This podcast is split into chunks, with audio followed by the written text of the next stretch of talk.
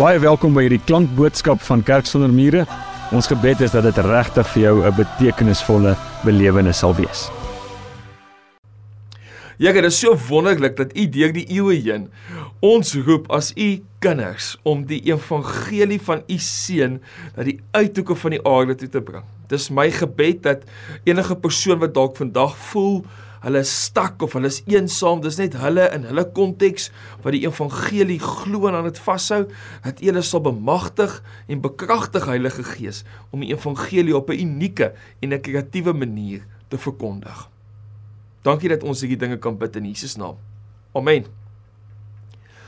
Ek gaan met jou 'n paar tekste deel, maar eers net die belangrikste deel van ons inleiding vandag is die volgende. So as Paulus nadat hy tot bekering gekom het, begin om die evangelie te verkondig.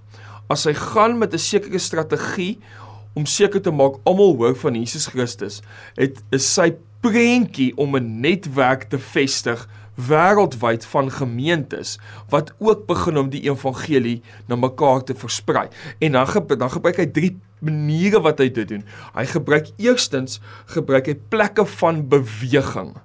Plekke waar mense konstant in die beweeg is. Ons het vandag nog plekke van beweging.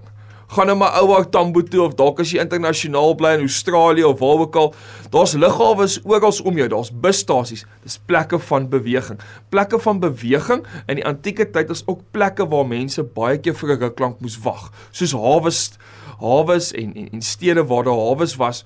Mense moes 'n ruk lank dalk oorbly en dan moes hulle weer ver, ver, vertrek en hy het dit gesien as 'n geleentheid. So plekke van beweging is plekke waar Paulus gevoel het hier hier kan ek mense beïnvloed en vanuit hierdie invloed wat ek op hulle het, vat hulle die boodskap van Jesus weer na 'n volgende plek toe. Dit is deel van dit. So die eerste plek waar hy fokus of die eerste deel van sy sendingstrategie is plekke van beweging. Die tweede deel van sy sendingstrategie is plekke van wag. En waar wag ons die meeste?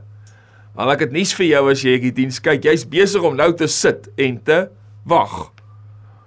As, as jy die boodskap kyk, hoop ek jy's nou nie besig om pasta te maak of so iets nie. As jy aandete maak of ontbyt maak of wat ook al is dit mooi, moet nou net nie jou vingers verbrand terwyl jy na die boodskap kyk nie. Maar meeste van ons as jy in 'n preek sit, is jy besig om te wag. Jy's jy's deel van 'n captive audience, soos die Engelsman sê. In antieke tye was daar ook sulke plekke. Daar was nie net sinagoges waar Paulus sou 'n plek van wag gebruik het om die evangelie te verkondig nie, want hy het 'n gehoor wat staties is. Hulle moet nou luister na hom. Maar daar was ook filosofiehuise. Ons lees in een van die stede dat iemand namens hom betaal het. Die man se naam was Tyrannus. Tyrannus het betaal dat Paulus in 'n filosofiehuis vir 'n sekere deel van die dag kon hy daar wees en mense kom met hom kom praat. Dis 'n plek van wag. So hy gebruik eerder, hy gebruik plekke van beweging eerstens en dan gebruik hy plekke van wag. En dan die derde een wat hy gebruik is, hy gebruik die plekke tussenin. Ek gaan net nou iets oor dit deel. Die plekke tussenin is die plekke waartoe Paulus baie keer gevlug het, wat nie op sy direkte sendingroete was wat hy gevolg het waar plekke van beweging of plekke van wag vreeslik was nie, maar hy moes so intoe gaan omdat hy bietjie gevlug het.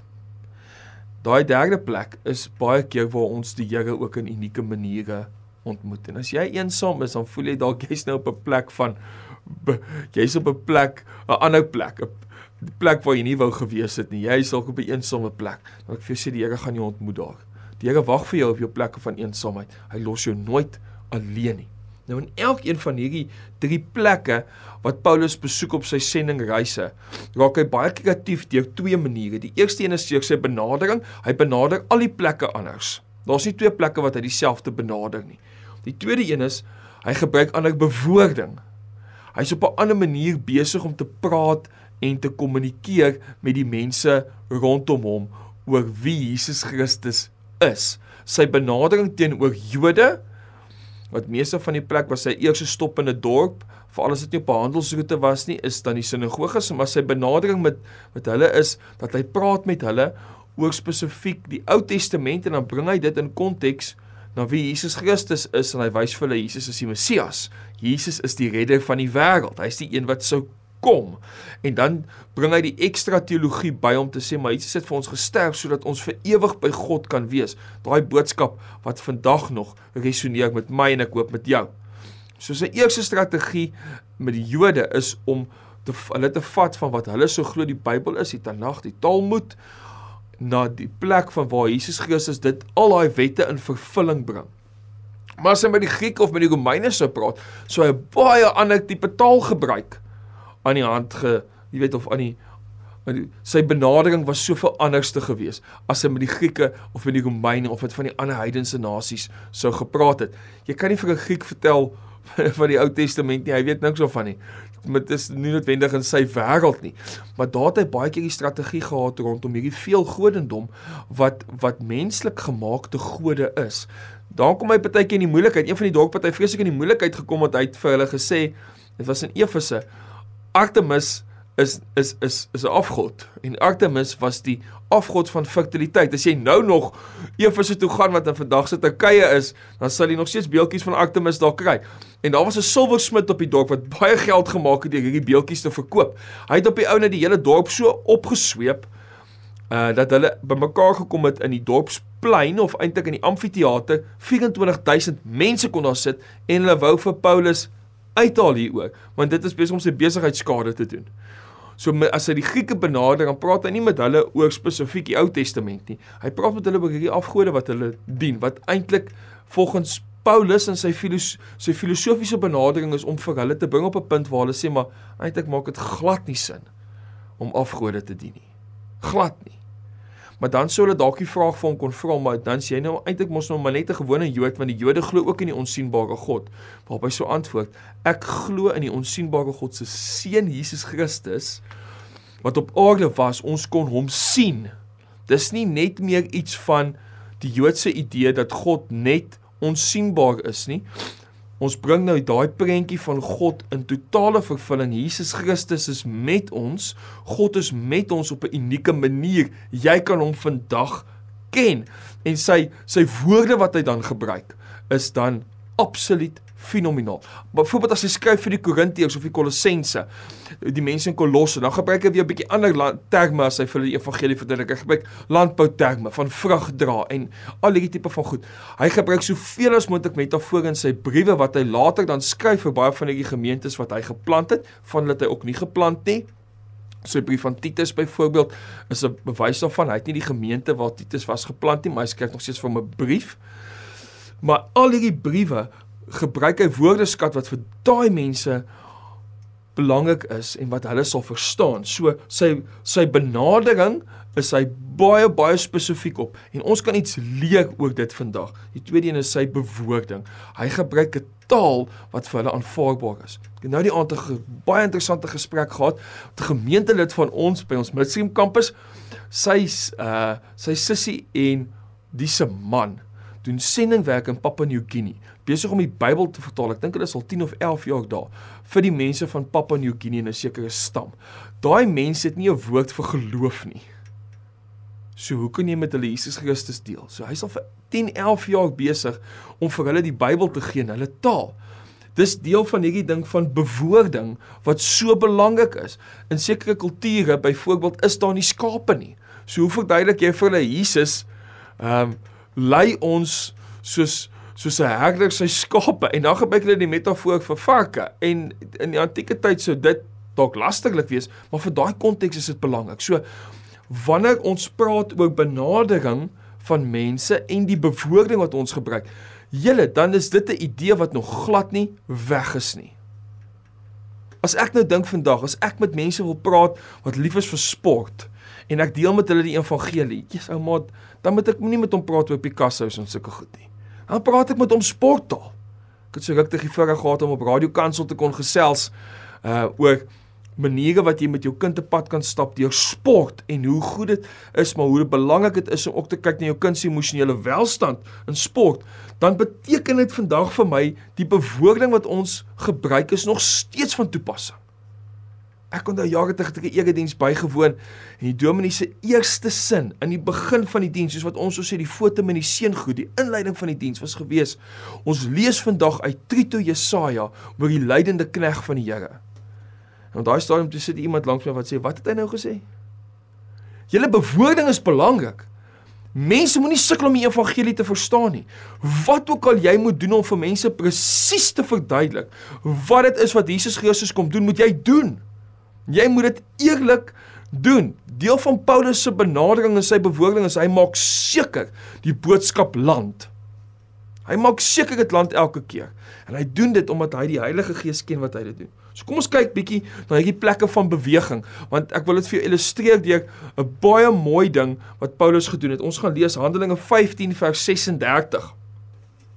Dis nou aan die einde van Paulus se eerste sendingreis, is hy in Barnabas terug in Jerusalem. Hy was sy eerste sendingreis, hy het 'n klomp gemeentes geplant, die evangelie verkondig, hy pak slag gekry op 'n paar plekke. En nou sê hy die volgende: tydjie later het Paulus vir Barnabas gesê: "Kom ons gaan kyk hoe gaan dit met die gelowiges in al die stede waar ons die woord van die Here verkondig het." Paulus wil teruggaan na hierdie plekke toe. Hy's weer eens in 'n plek van beweging konstant beweeg. Hoe gaan dit met hierdie gemeentes? Hoe versorg ons hulle? Hoe bemagtig ons hulle weer? En kom ons gaan kyk hoe die evangelie of verder verkondig is plekke van beweging. Ek wil jou uitdaag vandag. Die plekke van beweging julle is oral rondom ons. Hier's taxi ranks. Hier's busstasies, hier's die goudtrein, hier's 'n klomp plekke, plekke van beweging waar jy dalk iemand een keer ontmoet en in daai plek van beweging verkondig jy die evangelie aan hulle en iets gebeur in hulle gedagtes en in hulle harte. En na water die Heilige Gees se werk doen kom hulle tot bekering. En jy sal dit dalk nooit weer sien nie, maar ons moenie die plekke van beweging onderskat nie. Tweede een is die plekke van wag. Nou wil ek vir jou lees Handelinge 14 vers 1 tot 7. In Ikonium het Paulus en Barnabas op dieselfde manier opgetree. Hulle het weer na die Joodse sinagoge toe gegaan en daar gepreek met die gevolg dat 'n groot aantal Jode en Grieke gelowig geword het. Maar die Jode wat nie van die boodskap wou aanneem nie, het die gemoedere van die heidene opgesweep en hulle teen die gelowiges aangehits. Ten spyte hiervan het die apostels 'n geruime tyd in die stad gebly en in vertroue op die Here onbevrees gepreek. Die Here het ook die boodskap van sy genade bevestig deur die apostels tekens en wonders te laat doen. Die inwoners van die stad was verdeel. Party van die Jode en party vir die apostels. Die heidene en die Jode saam met hulle leiers het egter oproerig begin word en wou hulle aanrand en stenig. Toe die apostels dit agterkom, het hulle na Lystra en Derbe en die omgewing gevlug. Dit was twee stede in Lakonia. Daar het hulle toe die evangelie verkondig. Paulus en Barnabas gaan dadelik in 'n plek van wag in. Strategie sinagoge toe. Hier's 'n captive audience, ons kan met hulle gesels. En wat sien ons wat is die resultaat? 'n Klomp mense kom tot bekering. Ons het vandag nog julle rondom ons plekke van wag waar jy die evangelie kan verkondig. Die plekke van wag is plekke soos ons skole. En is ook ons gemeentes. Dis plekke waar mense staties is, waar hulle nie heeltyd in beweging is nie. Maar weet jy wat, daar's ander plekke van wag ook. Dis 'n plek wat jy nie noodwendig baie sal waardeer nie. Dis plek wat jy sê ek is nie lus om daar te wees nie. Dis plekke soos die polisiekantoor. Want dis nie 'n plek waar jy noodwendig vir hulle gaan diens kry nie. Dis nie 'n statiese plek van beweging soos die geld of dis nie 'n plek soos beweging soos die geldtrein waar jy's 2 minute daar en dan sien jy op die bus en jy sien 'n ou of jy op die trein en jy sien 'n ou nooit weer nie. As jy polisiekantoor toe gaan, ek moes ruk terug tablets of iPads wat ek verloor het of wat ook al, moes ek gaan aangee as as as verlore en dit was 'n uur en 'n half uit my middag uit. 'n Uur en 'n half. Maar in daai oomblik van wag in daai plek kon ek praat met 'n paar ander mense wat saam met my wag. As jy jou lisensie moet gaan hernie, jy gaan 'n bietjie wag. jy dalk 'n halfuur of 'n 3 kwartier praat met iemand oor die hoop wat in jou leef. Jy hoef nie skaam te wees daaroor nie. Praat oor dit. Dis 'n plek van wag. Jou werk is ook 'n plek van wag. Daar is mense rondom jou met wie jy kan praat oor die liefde en die hoop wat in jou hart leef en ek weet en dis 'n uitdaging vandag om in werkplekke te praat oor Jesus Christus. Ek was daar 6, 7, 8, 9 jaar terug toe ek in die privaat sektor was. Dis nie so maklik om net met mense te praat oor Jesus nie. Maar ek dink as ek kyk na, na ons werkplekke vandag nog, onderliggend het almal 'n 'n 'n behoefte aan iemand vir hulle kan hoop bring en jy's dalk daai persoon. Dis 'n plek van wag en jy kan dalk 'n bietjie uitdagings optel. Ek kan nie sien enigsins wat om die evangelie te verkondig. Net happy clappy is en altyd maklik is en daar's dalk uitdagings. Ek het al met een of twee mense gepraat in my in die plekke van wag soos 'n staatsdepartement of ek het my lisensie ek nie wat wat nie so ontvanklik was vir die evangelie nie, maar weet julle wat? Dit is Dit is meeste van die tyd kan jy daar praat in die plekke van wag. Hierdie deel sluit af, hierdie teks ons net gelees het met Paulus en Barnabas wat agterkom, hulle gaan moeilikheid hê, hierdie ouens gaan vir hulle gaan vir hulle seek maak. En toe vlug hulle. En waarheen vlug hulle? Hulle vlug na Lystra en Derbe toe. Nou lees ek net die volgende hoofstuk, want dis die plekke tussenin. Die eerste plek waar ons gepraat het is die plekke uh, uh van beweging, hierdie handelsroetes waar Paulus heeltyd aan die beweeg is, dan die plekke van wag, plekke soos filosofiehuise, sinagoges. Vandag is dit of ons plekke soos skole, gemeentes, staatsdepartemente, plekke waar jy nie vinnig kan wegkom nie. Jy stak vir 'n oomblik. Daar kan jy 'n verskil maak. Die plekke tussenin. Hierdie derde een is belangrik, want hier kom hulle en dan doen hulle wonders en verkondig die evangelie. En daar was 'n tempel wat gewy is aan Zeus en baie van hierdie mense sien die wondertekens wat gebeur en dan dink hulle ook hulle dink Barnabas Zeus en Paulus is Hermes.